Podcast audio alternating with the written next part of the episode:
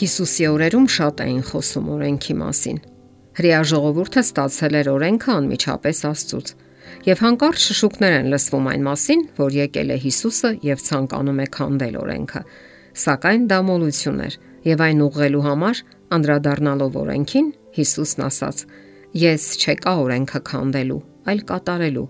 Այստեղ նա օգտագործում է կատարել բառը այն նույն իմաստով, ինչ իմաստով Հովանես Մկրտչին ասաց իր նպատակը. ամեն արդարություն կատարենք, որն է օրենքի պահանջի լիովին բավարարումը եւ Աստծո կամքին կատարյալ հնազանդության օրինակ լինելը։ Որն էր Հիսուսի առաքելությունը։ Նրա առաքելությունն էր մեծարել եւ փառավորել օրենքը Նա պետք է ցույց տար օրենքի հոգևոր բնույթը, ներկայացներ օրենքի խորունգ սկզբունքները եւ հավերժական պարտականությունը։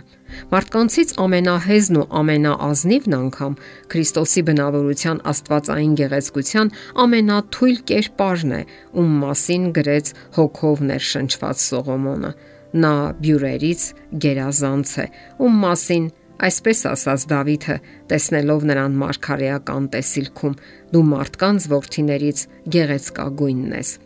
Հիսուսը հոր էության նկարագիրն էր, նրա փառքի պայծառությունը, մեր անznուրած փրկիչը։ Երկրի վրա սիրո իր ողջ պանդխտության մեջ նա եղել է Աստծո օրենքի էության կենթանի ներկայացուցիչը Նրա կյանքը հայտնի դարձրեց, որ հավերժական արդարամտության օրենքների հիմքում ընկած են երկնային ծագում ունեցող սերն ու Քրիստոսի սկզբունքները։ Հիսուսն ասաց. Մինչև որ երկինքն ու երկիրը անցնեն, օրենքից մի կետ կամ մի պստիկ նշանագիր անգամ չի անցնի, մինչև որ բոլորը չկատարվի։ Օրենքին հնազանդվելու իր անձնական փորձով Քրիստոսը վկայեց, որ օրենքն անփոփոխ է եւ ապացուցեց, որ իր շնորհի միջոցով Ադամի ամեն մի որդի ու դուստր կարող է կատարելապես հնազանդվել օրենքի պահանջներին։ Լեռան վրա նա հայտարարեց, որ մինչև բոլորը չկատարվի, օրենքից ոչ մի կետ չի անցնի։ Այն բոլորը, ինչ վերաբերում է մարդկային ցեղին, ամեն ինչ, որ կապված է փրկության ծրագրի հետ։ Հիսուսը չի սովորեցնում, թե օրենքը պետք է ընդմիշտ վերացնել, այլ կենտրոնացնում է մեր հայացքը մարդկային կյանքի գոյության վաղճանի վերջնակետին եւ վստահեցնում է մեզ, որ քանի դեռ դա գոյություն ունի, օրենքը կպահպանի իր հեղինակությունը այնպես որ ոչ ոք չի կարող ենթադրել անգամ, որ նրա առաքելությունն էր օրենքի պատվիրանները վերացնելը։ Որքան ժամանակ որ երկինքն ու երկիրը գոյություն ունենան, Աստծո օրենքի սուրբ սկզբունքները կպահպանվեն Նրա արդարությունը, ինչպես Աստծո սարերը, իբրև օրհնության աղբյուր, շարունակաբար կհորդի թարմացնելու երկիրը։ Քանի որ Տիրոջ օրենքը կատարյալ է, ուստի անփոփոխ, անհնար է մեղավոր մարդկանց համար սեփական ուժերով կատարել դրա պահանջները։ Այդ էր պատճառը, որ Հիսուսը եկավ որպես փրկիչ։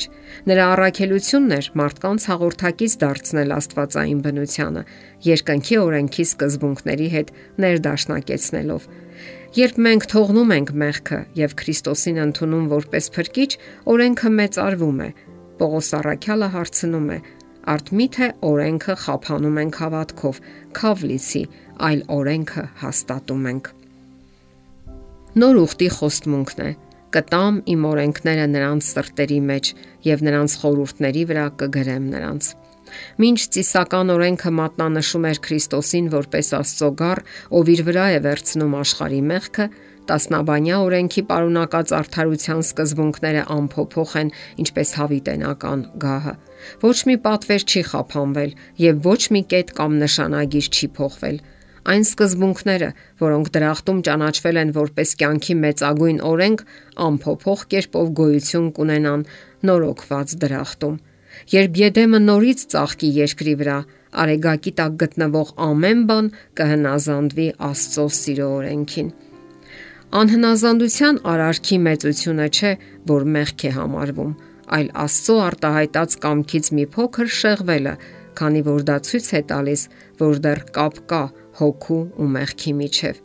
Եթե մարդիկ ազատ լինեին հեռանալու տիրոջ պահանջներից եւ իրենց համար պարտականության չափանիշ հիմնելու, ապա կլինեին տարբեր մտքերին համապատասխան ամենատարբեր չափանիշներ եւ կառավարումը կխլվեր տիրոջ ձեռքից։ Այդ դեպքում մարդու կամքը կդառնար գերագույն հեղինակություն, իսկ Աստծո վեհ ու սուրբ կամքը նրա սիրո նպատակը իր արարչագործության նկատմամբ կանարգվեր ու կառհամարվեր։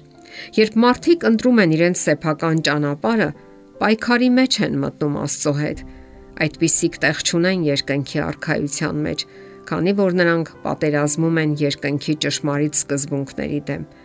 Արհամարելով Աստծո կամքը, նրանք անցնում են Աստծո ու մարդու ճշնամու սատանայի կողմը։ Ոչ թե Աստծո մեկ կամ բազմաթիվ խոսքերով,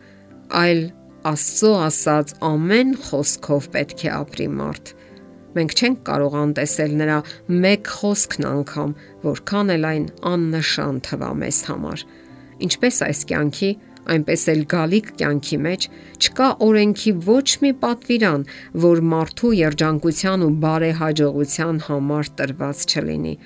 Աստծո օրենքին հնազանդվողները շրջապատվում են կարծես ցանկապատով եւ պահպանվում են չարից Նա ով քանդում է Աստվածային կանգուն պատնեշը թեկուզ մեկ կետում, խափանում է իրեն պաշտպանելու զորությունը, քանի որ բացում է այն ճանապարհը, որով թշնամին կարող է մտնել ավերելու եւ կործանելու համար։ Մեր նախածնողները համարցակվեցին արհամարել Աստծո կամքը օրենքի հարցում եւ դժբախտության դռներ բացեցին եւ իրենց եւ մեր աշխարհի համար եւ բոլոր նրանց հետևողները կհնձեն դժբախտության նույն պտուղները, որովհետեւ Աստծո օրենքի յուրաքանչյուր պատվիրանի հիմքում սերն է,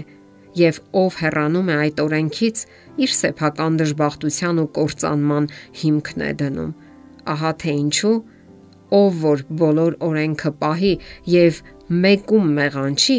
ամեն օրենքին կլինի պարտական։